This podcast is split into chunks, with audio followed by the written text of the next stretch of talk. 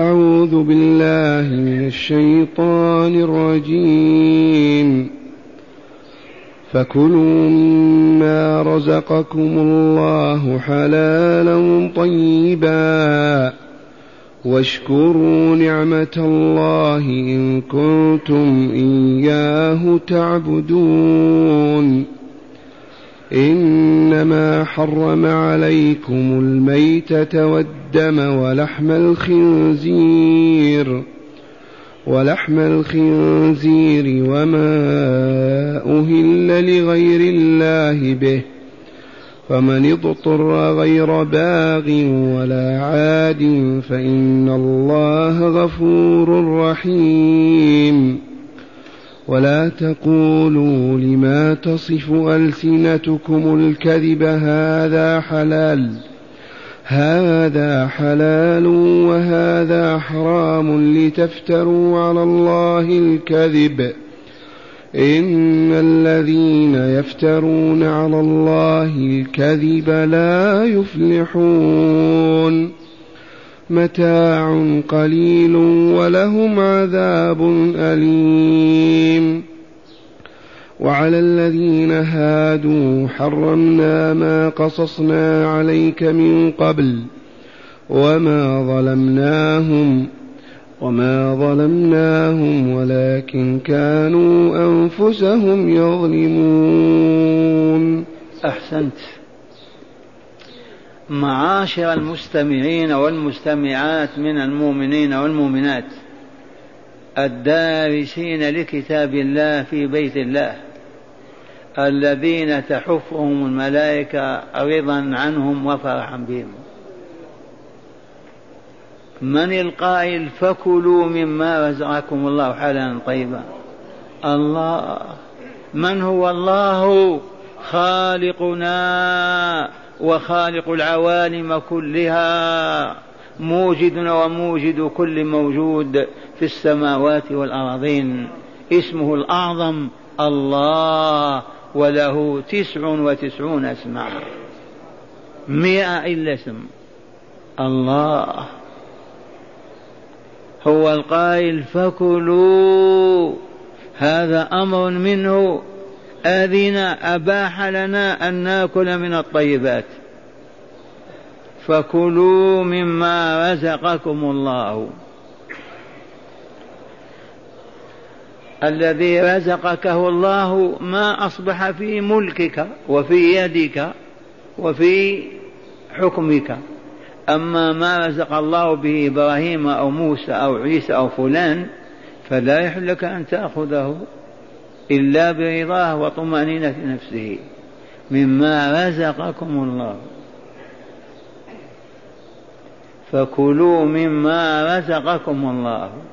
فمن رزقه الله طعاما أو شرابا أو لحما فليأكل. بسم الله عز وجل. وإذا فرغ يقول الحمد لله. يقول بسم الله بمعنى بإذنه تعالى لي في أكل من هذا الطعام آكل. فاذكروا كلمة بسم الله. بسم الله نأكل لو ما أذن ما نأكل. والله العظيم. فكلوا مما رزقناكم حال كوني حلالا طيبا. مما هو حلال طيب. حلال وخبيث ما يؤكل. خبيث وإن كان حلالا ما يؤكل كما قلنا. حراما وإن كان طيبا لا يؤكل. كلوا مما رزقناكم هذا امتنان بنعمه تعالى علينا. معاشر المؤمنين والمؤمنات أن نأكل باسمه تعالى من الحلال الطيب ونحمده على ذلك ونشكره. فكلوا مما رزقكم الله هو الرازق ذو القوة المتين. ما بيدك ولا في جيبك إلا بإذن الله وقدرته ومنته وعطائه. فإذا كان حلالا طيبا فكل حراما لا تأكل وإن كان طيبا. خبيثا ما تأكل وإن كان حلالا حتى لا تمرض وتتأذى. هذا والأمر الثاني واشكروا نعمة الله عليكم. واشكروا يا أيها الآكلون ويا أيتها الآكلات. فرغت من الأكل اشكر. ماذا نقول يا سيد؟ قل الحمد لله. وكررها الحمد لله. ما رفعت مائدة الرسول الكريم صلى الله عليه وسلم من بين يديه. إلا وقال الحمد لله حمدا كثيرا طيبا مباركا فيه غير مكفين ولا مودع ولا مستغنى عنه ربنا. ما رفعت المائدة السفرة إلا وقال هذا. والغافلون يبتدئون الأكل بدون إذن الله كأنهم الماجدون الخالقون. بسم الله لولا أنه أذن لك ما صح لك أن تأكل. بسم الله آكل. فرغت احمد المطعم لك الذي أطعمك وسقاك بكلمة الحمد لله. وإن قلت حمدا كثيرا طيبا مباركا فيه كان أجرك أعظم. اعتراف منك بالنعمة والمنعم. فلهذا قال تعالى واشكروا نعمة الله إن كنتم إياه تعبدون. إن كنتم تعبدون الله تعبدونه وحده فاشكروا نعم الله عليكم. وهنا أكرر القول للزائرين بأن شكر النعمة يكون أولا بالاعتراف بها في الباطن في القلب بأنها نعمة الله لا نعمة غيره هو المنعم بها لا سواه. كيفما كان نوع هذه النعمة؟ هذا الاعتراف بالقلب. ثانيا تترجم ذلك الاعتراف بالقلب بلسانك. الحمد لله الحمد لله. ثالثا تصرف تلك النعمة فيما يحب لا فيما يغضب ويسخط. تصرفها فيما يحبه هيا بنا نعدد النعم. أنعمك أنعم الله عليك بنعمة بصرك. نعمة عظيمة هذه وإلا لا؟ الحمد لله أنت تعرف أنه لا أعطاك البصر إلا الله. والله ما وهبه لك إلا الله. اعرف هذا بقلبك. قل الحمد لله واصرف هذه النعمة فيما يحب. لا تنظر بها المحرمات والممنوعات. غض بصرك. تكون قد شكرت هذه النعمة. أما أن تتابع النساء من وراء ومن الأمام تنظر إليهم ببصرك غش هذا وخداع منك حرام عليك. ما أعطاك النعمة لهذه أبدا. وكيف وقد قال وقل للمؤمنين يغضوا من أبصارهم. وقل للمؤمنين يغضوا من أبصارهم.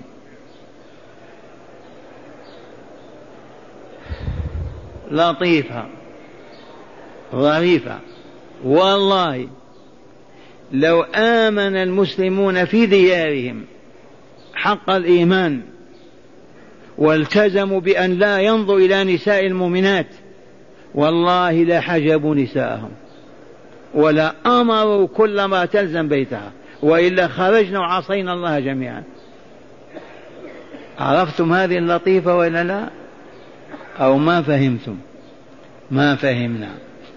أقول أما أمرنا الله بغض أبصارنا وإلا لا؟ إذا كيف نستطيع نعمل على أبصارنا شيء؟ ما نستطيع كل ما نلتفت نرى مرة كيف أغض بصري؟ لو كانت مرة في اليوم مرة مرة مرت على بابها على غرفتها غض بصرك لكن معك في السوق والمتجر وفي المسجد وفي كل مكان كيف تغض بصرك؟ ما هناك حيلة إلا الحجاب. المرأة في بيتها ملكة سلطان في بيتها لا هم لها خارج البيت أبدا. زوجها بعلها هو القيم عليها القائم بشؤونها. وهي حسبها أنها تعبد الله تعبد الله في بيتها وتربي أولادها وتقدم الخير والإحسان لزوجها والزوج يشتغل في النهار والليل خارج البيت.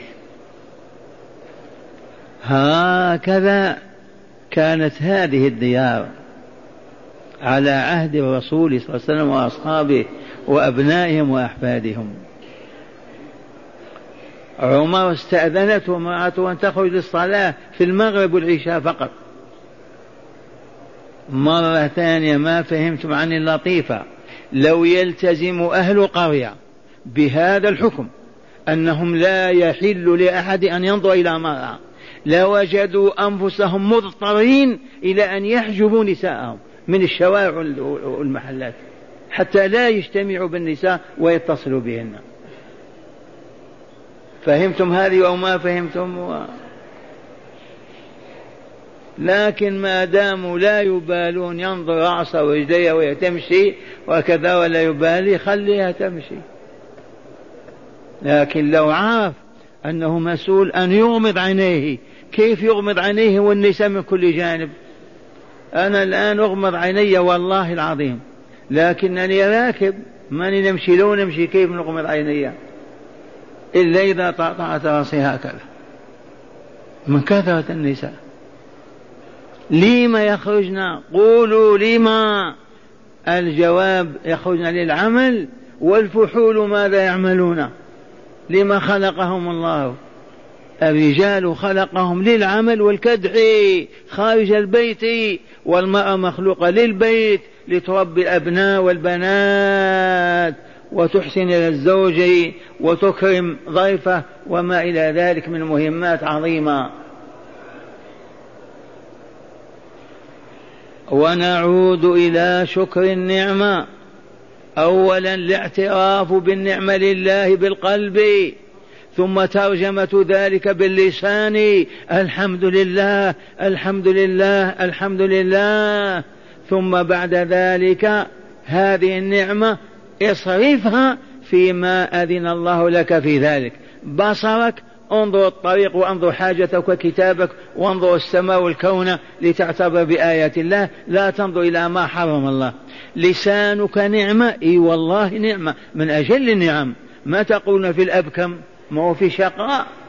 هذه النعمة احمد الله بعد الاعتراف واصرف فيما أعطاك اسأل بها عن الحق والخير وقل بها المعروف ولا تقل بها الباطل ولا الشر ولا الكذب ولا ولا لأن نعمة لا تصريف فيما, ما فيما لم يأذن الله لك به.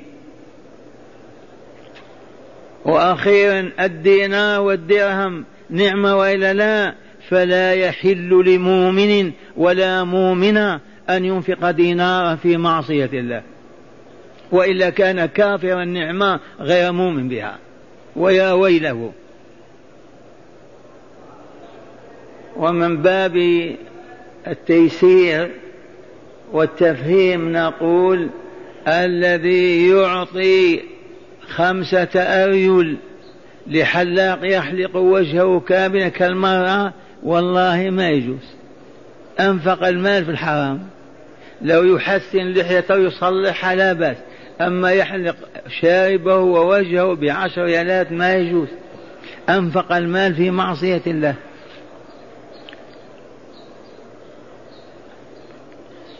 الذي يشتري كميرة كميرة ليصور ضد ما يحب رسول الله صلى الله عليه وسلم ويقول إيش فيه حلال؟ التصوير حلال.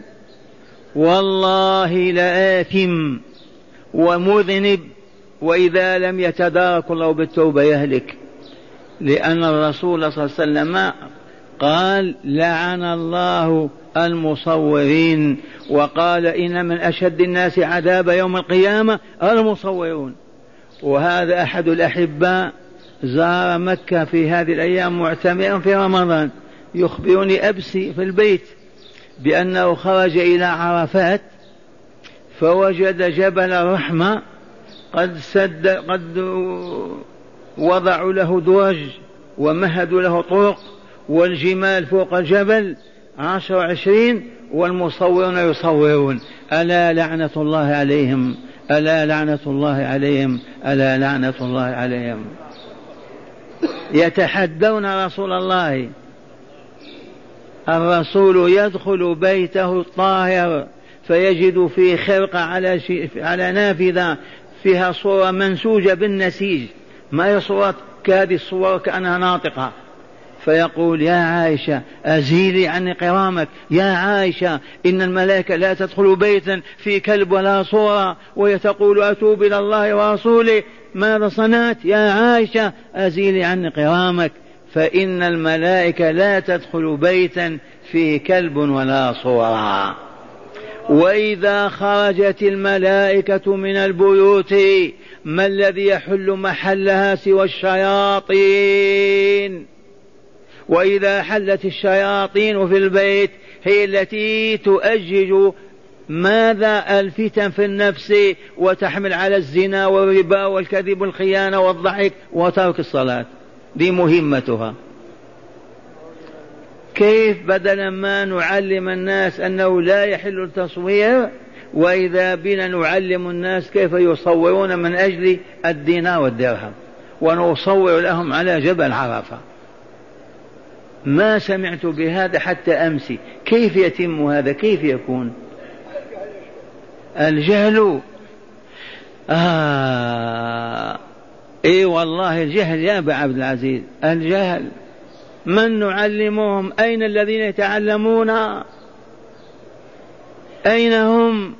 المدينة فيها مليون نسمة. انظر حلقتك كم واحد فيها؟ ادفع الزيارة ما تجد خمسين واحد. فين المتعلمون؟ ما يريدون أن يعلموا حتى لا يعملوا. إيه ورب الكعبة. قالوا ما نسمع ونحن ما نعمل. ولهذا ما نحضر الدرس. فتية إبليسية. ما دون ما نعمل ما نسمع أحسن. فرضوا بالجهل والإثم معا. والشاهد عندنا وأعيد القول خل الزيار بكينا وأبيتم أن تسمعوا. البرانيط التي على رؤوس أبنائكم. بكينا في العام الأول والثاني قلنا في الأولاد الآن والله شبيبتنا تقود السيارة والبرانيط على رؤوسها. كاليهود والنصارى. أف لنا ما نحن بأهل هذه النعمة أبدا. سيسلبها الرحمن جل جلاله. في مدينة الرسول في مكة في بلد القرآن في دولة الإسلام تحت راية الله يتبجح الشاب البرنيط على رأسه مكتوب عليها كلمة كفر. مد أعناقهم الناس وسكتوا والتجار الفجار هم الذين يستوردونها ويبيعونها ويهدونها هدايا مستجيبين لصيحة اليهود فيهم حتى تهلك هذه الأمة وتهبط. ماذا نصنع؟ قلوب ميتة. كأنما نساق إلى الهاوية.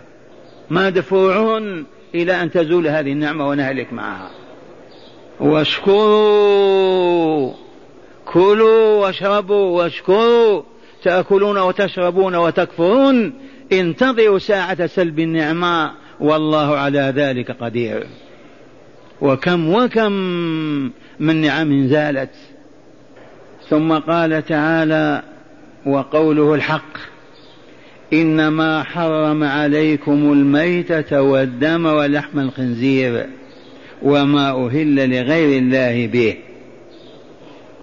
هذه أربعة الميتة والدم ولحم الخنزير وما أهل لغير الله به أو ما قيل هذا لسيدي عبد القادر أو مولاي إدريس أو لسيدي إبراهيم أو هذا للات أو العزى عند عند الذبح يرفع صوته هذا لمولاي فلان لسيدي فلان.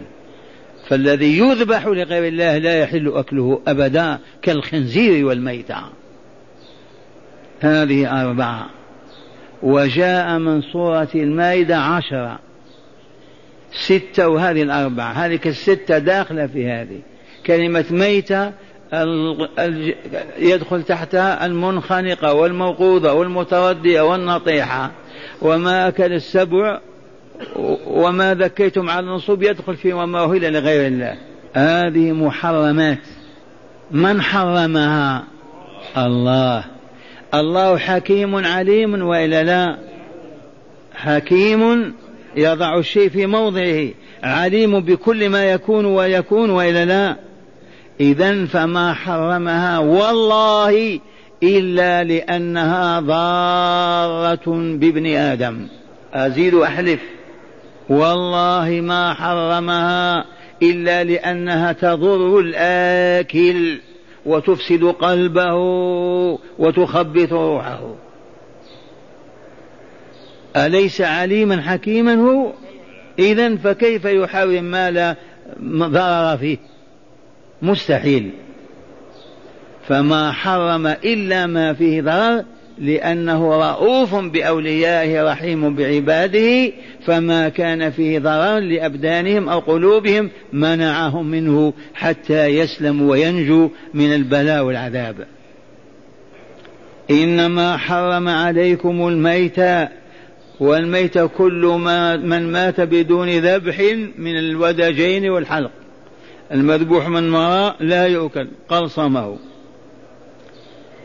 والدام على شرط أن يكون سائلا تجمع في فنجان في كاس في كذا. أما الدام مع العروق واللحم لا بأس به. اللحم كله فيه دام لكن الدام المحرم يجمع ويطبخ أو يشرب ويؤكل. هذا الحرام لما فيه من المرض والأذى. ثالثا لحم الخنزير كشحمه. الخنزير معروف. إن شاء الله ما بين الحلقة من رآه لكن معروف في البلاد الأخرى. الخنزير. لطيفة كررناها. وهي ما السر في تحريم لحم الخنزير؟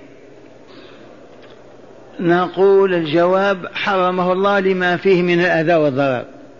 كذا ولا لا؟ ووالله لكذلك. يبقى من اللطائف.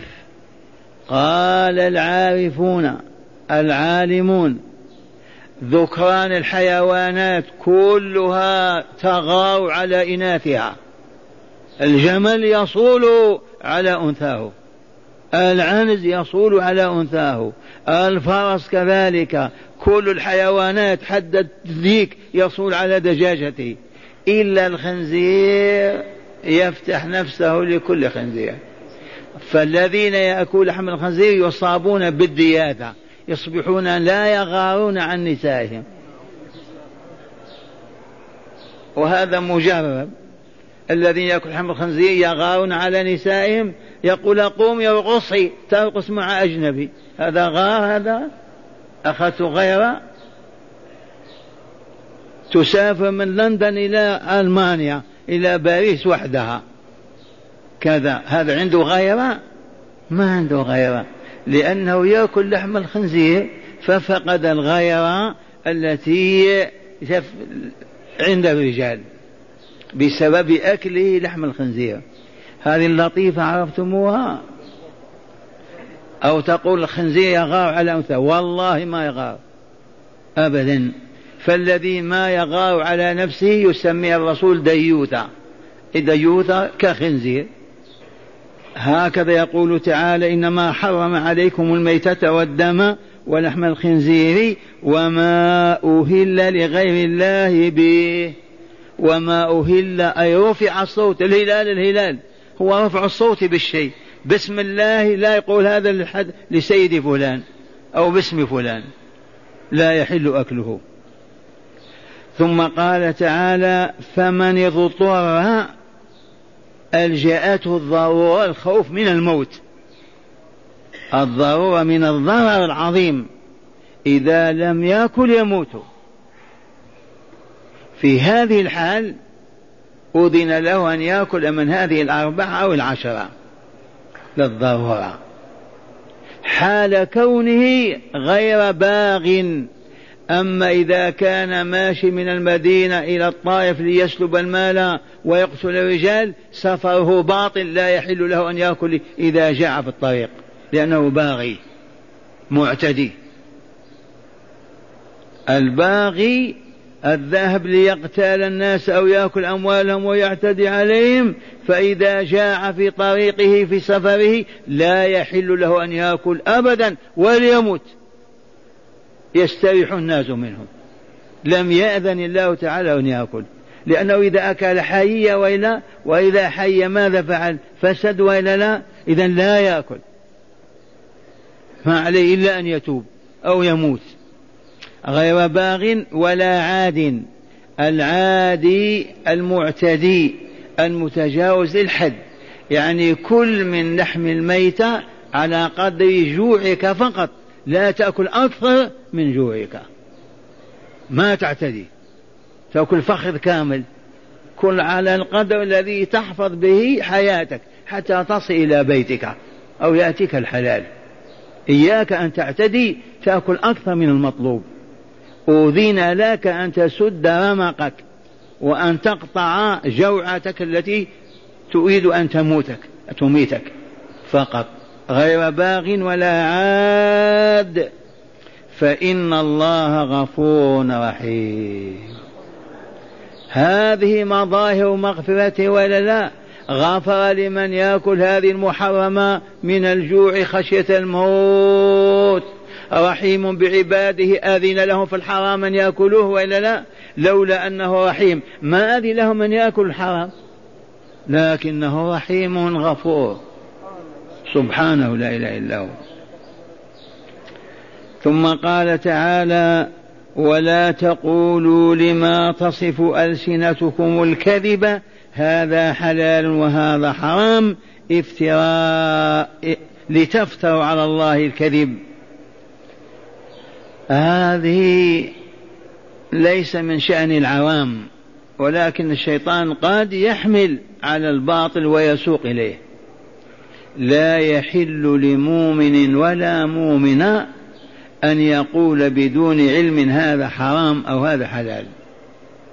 لا بد وأن يكون على علم بأن هذا حرمه الله أو هذا أباحه الله. عرفتم سئلت عن هذا الشراب لا تدري قل الله أعلم. تقول حرام ما عندك علم اعتديت على منصب الرب تعالى.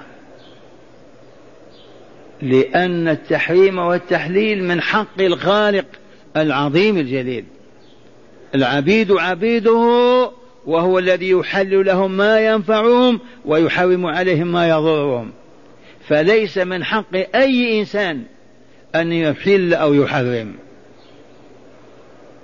بل كان السلف الصالح يقول هذا مكروه أو هذا مستحب. خشية أن يقال أحلوا أو حرموا فنحن فقط ما نقول أحل هذا أو حرم هذا. أقول هذا حلال أو هذا حرام. إن علمت من الكتاب والسنة أنه حلال أو حرام. أما أنا أحلل لكم أو حرم هذا كأن اعتدى على الله عز وجل. قال بارك أنا مقامك. أحلل وأحرم. إذ لا يحلل ولا يحرم إلا الله. قولوا لماذا أولا عبيده. أليس الآكلون عبيده؟ إذا والطعام والشراب أليس طعام وشرابه إذا هو الذي له الحق أن يمنع وله الحق أن يبيح ويأذن. أما نحن لا حق لنا في ذلك أبدا. والسر وراء ذلك ما علمتم أن ما حرمه يضر بالجسم ويضر بالعقل والقلب والروح. فما حرم الله شيئا إلا وفيه ضرر أو ضرره أكثر من نفعه. فالواجب أن نعرف الحلال والحرام بالدراسة والتعلم والسؤال. فإذا سئلنا نقول هذا حلال لأن الله أحله أو هذا حرام لأن الله حرمه. ما نقول أنا أحلل كذا وأحرم كذا. أو فلان يحلل أو يحرم. لا يحلل ولا يحرم إلا الله. ولا تقولوا لما تصف ألسنتكم بالكذب. بالكذب. هذا حلال وهذا حرام. هذا رد على المشركين في الجزيرة. إذ حرموا السوائب والحامات و والوصائل أنواع من النعم الإبل والغنم حرموها وجعلوها لآلهتهم. انتبهتم فجاء الإسلام فأبطل ذلك التحريم واجتثه من أصله. لا حق لهم أن يحرموا أو يحللوا. إنما المحرم والمحلل هو الله. فلا سائب ولا وصيل ولا حام. ولكن الذين كفروا يفترون على الله الكذب وأكثرهم لا يعقلون. فكيف يقولون حرم الله هذه السائبة؟ نسيبها ما نركب عليها ولا نأكلها. حرم هذا الجمل نحميه فقط للآلهة. ما يجوز الركوب عليه. هكذا كانوا يفعلون لجهلهم. فلما جاء نور الله وطلعت أشعته في البلاد أعلن الله عما حرم عليهم وما باح لهم. أما هم فلا حق لهم أن يحرموا أو يحللوا. ولا تقولوا لما تصف ألسنتكم الكذب هذا حلال وهذا حرام. لتفتروا على الله الكذب وتختلقوه. إن الذين يفترون على الله الكذب لا يفلحون. والله العظيم. إن الذين يفترون يختلقون كذب على الله ويقول أحل الله وحرم وهو ما حلل ولا حرم لأجل التجيل والتضليل أو السلطة والسلطان وما إلى ذلك يا ويلهم. لا يفلحون. لا في الدنيا ولا في الآخرة. وإن قلت هم أغنياء وهم حكام وهم كذا قال تعالى متاع قليل. ما قيمة ما عندهم لا من طعام وشراب. بالنسبة إلى الحياة الأبدية الخالدة في عالم الشقاء في جحيم النار. هذا رد على من يقول ها هم ظالمون ويأكلون ويشربون. متاع قليل أشد القلة وأصغرها. إن الذين يفترون على الله كذبا لا يفلحون. متاع قليل ولهم عذاب أليم. ألا وهو عذاب القبر والدار الآخرة.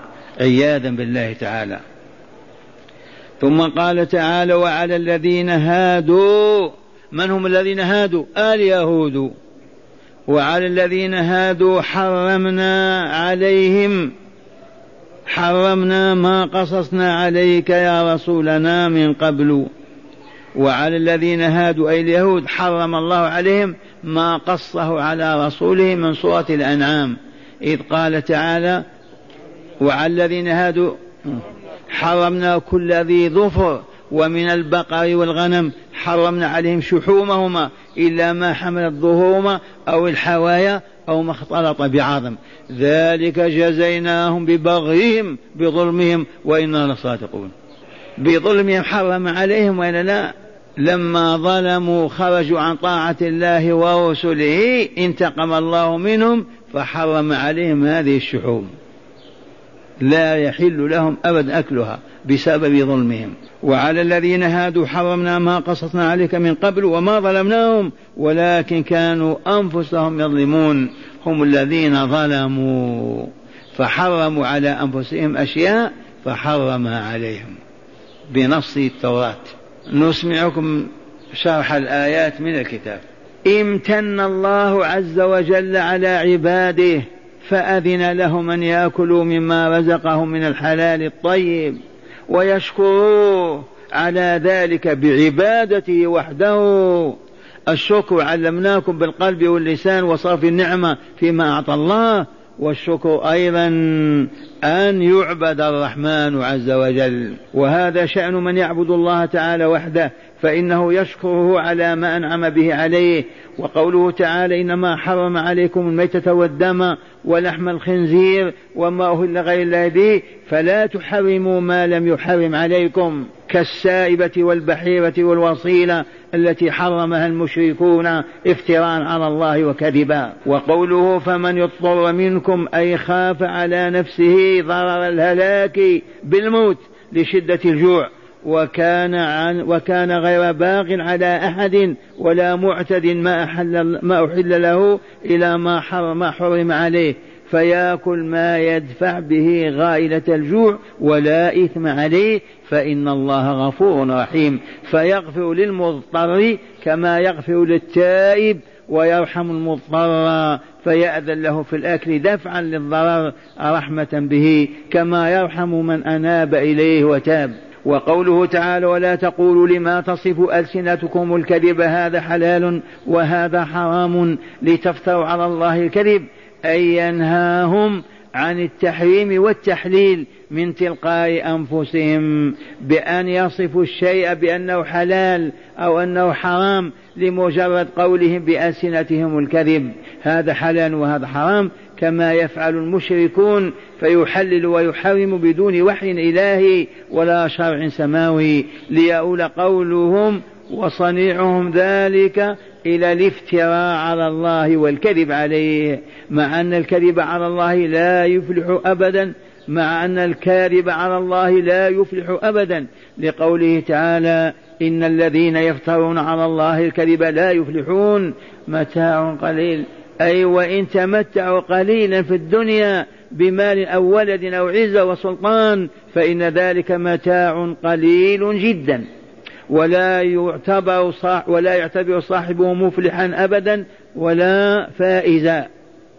فإن وراء ذلك العذاب الأخروي الأليم الدائم الذي لا ينقطع وقوله تعالى وعلى الذين هادوا حرمنا ما قصنا عليك من قبل يخاطب الله تعالى رسوله فيقول كما حرمنا على هذه الأمة المسلمة الميت والدم ولحم الخنزير وما أهل لغير الله به حرمنا على اليهود ما قصصنا عليك من قبل في سورة الأنعام. إذ قال تعالى وعلى الذين هادوا حرمنا كل ذي ظفر ومن البقر والغنم حرمنا عليهم شحومهما إلا ما حمل الظهوم أو الحوايا أو ما اختلط بعظم. وحرم هذا الذي حرم عليهم بسبب ظلم منهم. فعاقبهم الله فحرم عليهم هذه الطيبات التي أحلها لعباده المؤمنين. ولذا قال تعالى وما ظلمناهم ولكن كانوا أنفسهم يظلمون هداية الآيات. من هداية الآية اولا يجب. ماذا؟ مقابلة النعم بالشكر فمن فمن غير فمن غير العدل أن يكفر العبد نعم الله تعالى عليه فلا يشكر عليها بذكره وحمده وطاعته بفعل محابه وترك مساخطه. ثانيا بيان المحرمات من المطاعم وهي الميت والدم ولحم الخنزير وما أهل لغير الله به. ثالثا بيان الرخصة في الأكل من المحرمات المذكورة لدفع غائلة الموت. رابعا حرمة التحريم والتحليل بغير دليل شرعي قطعي لا ظني إلا ما غلب على الظن تحريمه. خامسا حرمة الكذب على الله وأن الكذب على الله وأن الكاذب على الله لا يفلح في الآخرة وفلاحه في الدنيا جزئي أيضا قليل لا قيمة له. هذا إن أفلح سادسا قد يحرم العبد قد يحرم العبد النعم بسبب ظلمه فكم حرمت أمة الإسلام من نعم بسبب ظلمها في عصور انحطاطها